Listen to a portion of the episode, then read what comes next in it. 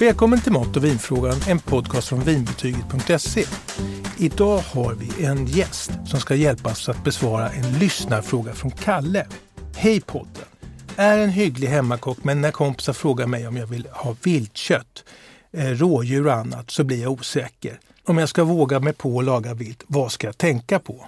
Och för att få hjälp att besvara detta säger jag välkommen till Johan Linander. Mm, tack! Du både jagar och lagar vilt. Ja. Och det känns tryggt här för att Kristoffer, vår producent som brukar vara med, han är ju vegetarian. ja, Och det här är liksom motsatsen kan vi säga. kan man säga. Men det skrivs och pratas mycket om vilt. Mer och mer skulle jag vilja påstå. Det finns en serie på SVT Play som heter Jaktliv i två säsonger. Jag tog med lite böcker här och du har mycket jaktböcker och det står i mattidningar om vilt, så framförallt så här på hösten. Varför tror du att det här med vilt pratas om?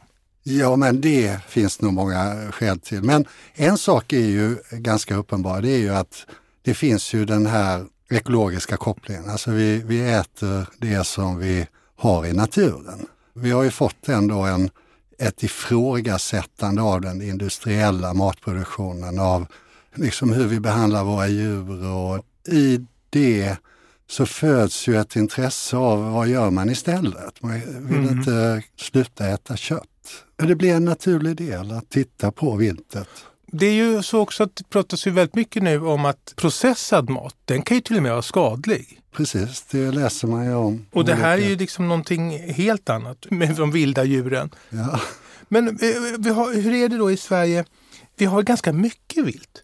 Vi har mycket vilt och vi har ju väldigt mycket skog i Sverige. Så att, och vilt har en tendens att bo i skogen. Så att visst, vi har mycket vilt. Och egentligen är det ju konstigt för att vi borde ju ha en mycket större tradition av att äta vilt. Mm. Eftersom i det gamla jordbrukssamhället så var ju vilt ett högst naturligt inslag i Mm. kosten. Nödvändigt kanske till och med. Och nödvändigt för många säkert också. Men eh, vi har ju i högre utsträckning än nere på kontinenten, upplever jag i varje fall, liksom tappat bort det. Och det mesta av, om vi nu talar kött, Mm. det mesta vi äter är ju uppfött kött. Ja. Men som du sa inledningsvis, viltet kommer, jag är övertygad om, det finns ett intresse och det, det man märker att det serveras på fler och fler menyer när du är Mm. på restaurang, du ser på tv, du lyssnar på radio och poddar och allt möjligt. Det finns ett intresse. Vad som slår mig det är det att viltkött kan man egentligen använda i stort sett som vilket kött som helst. Jag lagade någon gång en köttfärssås på hjortfärs till exempel. Mm. Eller man kan göra hamburgare på viltfärs. Ja. Och det är väl också en, en, en vink till Kalle här nu att du kan egentligen laga det du brukar laga köttmässigt fast med vilt. Ja, absolut. Men, alltså, jag har ingen eh, vetenskapligt belägg för det här, men jag tror att vi, det finns en föreställning bland många att vilt är väldigt komplicerat. Mm. De flesta har nog första gången ätit vilt på en restaurang. Mm. Det ser väldigt flott ut när de får det. Det ser väldigt svårt ut att laga och allt möjligt. Men egentligen så är ju inte vilt annorlunda än annat kött. Nej. Med vissa skillnader på som man ska tänka på. Vilt är magert jämfört med nötkött. Mm. Mycket mindre fett Mm. i, vilket man ju måste tänka på när man tillagar. Mm. Om du till exempel gör viltfärs så Mm. är det lämpligt att blanda i lite. Eh, Det kan vara fläskfärs eller det kan vara fett du tillsätter. Mm. Kan man göra som en Wallenberg lite grädde och äggulor? kan du göra. Ja. Absolut. Ja. Och du får en alldeles utmärkt god. Jag menar, poängen är att det är, behöver inte vara speciellt komplicerat bara för att det är vilt. Nej. kan hantera det som vilket kött som helst många gånger. Men du med säger då att eh, försiktighet. det är magert och det gör att man får vara lite eh, noga med temperaturen. Temperaturen ska man eh, vara noga med, framförallt på de finare delarna. Om du har, talar om eh, filéer och Mm. eh, stekar. Att du är noga med att det inte blir för hög temperatur. För då blir viltköttet väldigt rådigt och Ja. tråkigt. Ja. Så att eh, liksom det finns någon slags, tycker jag, gräns. 60 grader. Jag tycker inte man ska gå över 60. Om det inte är vildsvin. Mm. För att det det är en helt annan sak. Mm. Men om du har en filé så kan du nästan ta den före sex. Ja, du kan ta den innan det. Det beror ju på hur du vill ha den, medium eller rare eller vad det är. Ja, just det. Men över 60, nu är risken att du får ett eh, tråkigt kött. Och då är väl som alltid att när du tar ut köttet så eftersteker det av sin värme. Ja. Så det kan ticka upp några grader. Exakt. Så man kan ha lite marginal där. Om du tar ut det på 57 eller någonstans så kommer det ju att eftersteka. Det är ju lämpligt att vira in det i folie och låta det ligga i 10 minuter och vila. Som man ju ofta gör med stekar och Mm. kött i ugnen. Oavsett vad Och det det behåller saftigheten. Exakt. Ja. Så det kan ju Kalle tänka på att han är väldigt noga med eh, temperaturen. Vi tycker ju då att kyckling av någon anledning är ett kött som är ganska sunt. Men egentligen, det är ju ofta, eh, den bildade kycklingen är industriellt, eh, liksom nästan fabriker. Va? Ja, nej, jag Och skulle- då säger folk, nej jag äter kyckling hellre och så ligger då ett vilt och det här har gått ute då eh, i naturen och betat i lugn och ro och inte någon stress och, och, och så vidare. Du nämnde någon annan gång när vi pratade om vilt att djuren äter ju det som finns i säsong så att säga. De äter ju mångsidigt. Det finns ju den här föreställningen om att jag gillar inte vilt för att det har en smak av vilt som jag inte... Och det är ju en smaksak. Det kan ju vissa tycka och gillar man inte vilt så gör man inte. Men en av anledningarna till att viltkött smakar annorlunda det är ju den kosten som djuren har. Mm. Det är ju vilda djur och de lever på det som finns att äta. Och det ser man ju bara genom att titta på hur köttet ser ut. När du tittar på ett rådjur eller hjort eller vad det är för vilt så ser du att köttet ser helt annorlunda ut än vad det här vanliga boskap i köttdisken. Det är mycket mer rosa och, och mycket ljusare. Och det är djur som har fått en förhållandevis ensidig kost. Ja. Det är ju mer vikt, alltså snabb tillväxt som prioriteras. Man ger kost för att det ska växa snabbt och, och, Och samma kost varje dag. mycket samma kost, mycket ensidigt. Medan till exempel rådjur, det är ju det djuret som har den mest varierade kosten Mm. av alla djur som vi känner till här i Sverige i varje fall. Mm.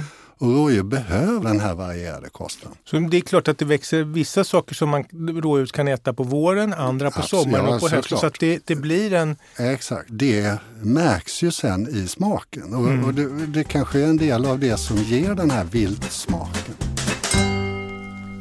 Kalle här nu, med, om han ska våga laga. Nu kommer vi, vi blir en utvikning. Jag hoppas att han gillar det här ändå. Jag tänker på, går det att ringa in hur, när man säger viltsmak, hur det smakar? Jag, jag kan inte beskriva vad viltsmak Jag vet bara att det är oerhört gott. Men jag som har då ibland tyckt att rådjur smakar lite metalliskt nästan, lite lever, kan man säga så? Jag upplever det inte så. Det är, så- jag, alltså det, det är väl så att alla upplever smaken lite annorlunda. Du kanske hade en kock som hade en dålig dag när du fick ditt rådjur, vad vet jag? Ja. Jag upplever inte, har aldrig upplevt själv. någon, någon metallisk smak när jag äter rådjur. Nej, Men jag, vi vi vet ju att vissa tycker helt enkelt inte om vilt. Och jag vet inte. Men om vi är inne nu på och, och pratar då också, eh, vi ser rådjur är då, har ganska mycket viltsmak. Ja, Och vad, vad har mindre viltsmak? till exempel ett djur som har gått i hägn Mm. har ju mindre viltsmak än vad ett djur som går ute vilt i skogen har. Mm, mm. Och det har ju förmodligen med födan att göra. Ja, just det. Hur är det med, med innan man börjar laga det?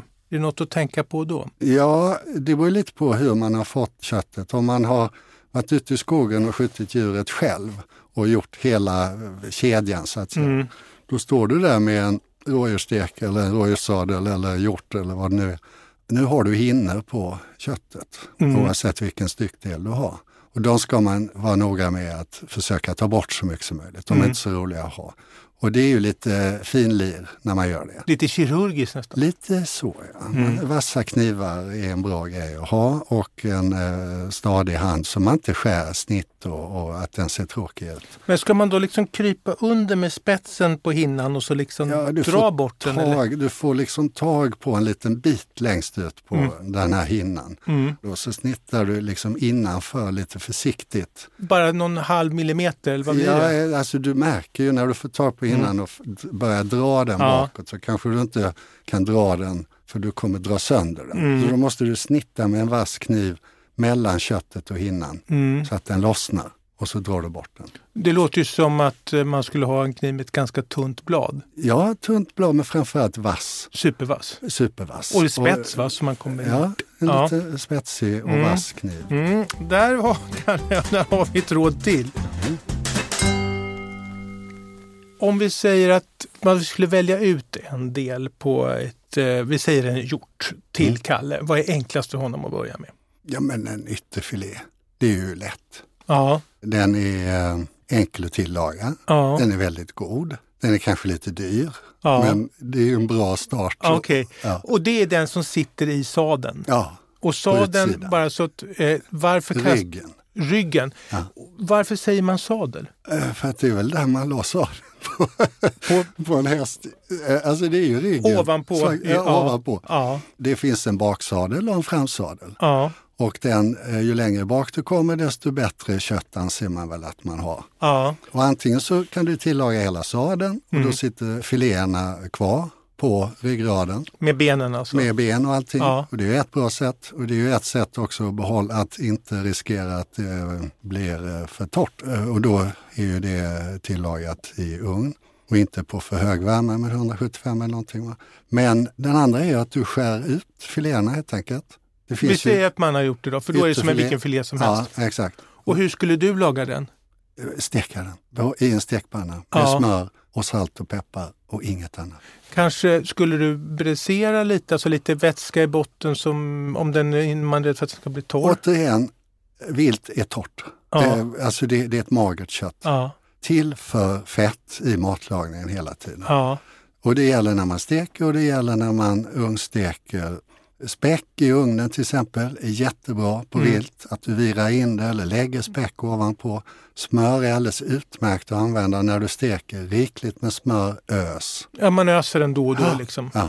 Och man kan ju också göra så med en ytterfilé att du steker den lite snabbt, får en fin stekyta och sen sätter du in den i ugnen på låg temperatur. För det är väl ändå så att eh, det här med låg temperatur, att det, det, det ger ofta ett jämnt och bra resultat. Ja, Och man förordar det ofta. du får ju en jämnare värmefördelning Ja, helt enkelt om du har lägre temperatur. ja.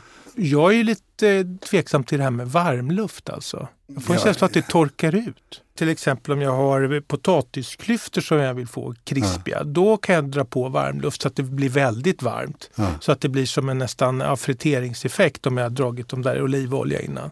Men kött, jag får en känsla att det är som att stå med en hårtork och blåsa på köttet. Jo, men alltså, anledningen till att jag inte använder det är faktiskt att jag är inte van. Alltså, jag blir nervös när jag sätter på värmen för jag vet inte hur snabbt kommer det här gå. Jag, jag är liksom van vid att jag vet hur lång tid Ja. det tar ungefär när jag har min vanliga ugn, jag har min vanliga temperatur.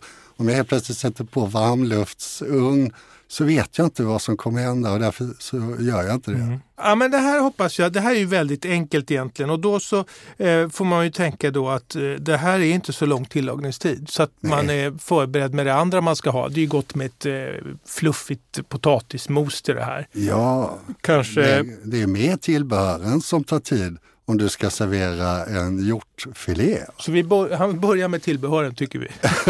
ja, men det är de som tar tid. Ja, och ska man ha en sås då finns det väl olika såser och varianter men det, där får man ju också vara beredd lite grann. Vi har lite böcker här med oss också som jag har tjuvkikat. Den här är ny, den heter Kocken och jägaren. Mm. Och den är då gjord av en kock som heter Mikael Einarsson och en jägare som heter Hubbe. Och där finns ju då eh, alla möjliga kul, men grönpepparsås pratar man om och rödvinssås pratar man om. Och det är ganska kul att den här kocken då, Mikael Einarsson, han är då köksmästare på den här trendiga och otroligt populära eh, krogen Astoria. Mm. Där det knappt går att få ett bord. Och även han då som trendkock kallar jag. Nu skulle han Mm. kanske tycka det var eh, förment. Men är inne i den här viltvärlden. Ja, De men det är ju- många restauranger som, eh, alltså många kockar gillar ju vilt Ja, för att det är gott och bra kött. och bra kött. Du hittar vilt på matsedlar ofta. Och jag, det var som jag sa tidigare, jag tror att många kopplar vilt till restaurangbesök. Mm. Men man vågar inte laga det själv. Mm. Men ett tips kan ju vara också till Kalle att få, som här till exempel, nu bara räknar upp några. Carpaccio på dovhjort, helstekt dalripa, hjortbog bourguignon. Det har förmodligen gjort som grytan bœuf bourguignon. Ja. Så man kan göra alla grytor med vilt i stort sett. Ja, det är bara att byta ut i princip köttet du tidigare hade, om det nu var oxkött eller vad du hade, mot eh, hjort. Och Det då är det från ett bättre kött. Ja, Och då kanske man ska tänka då att det kanske inte har lika lång tid. Om vi säger att du har till en bœuf bourguignon har man ett ganska enkelt kött ofta mm. som ska koka länge. Men här är det lite kortare tid kanske.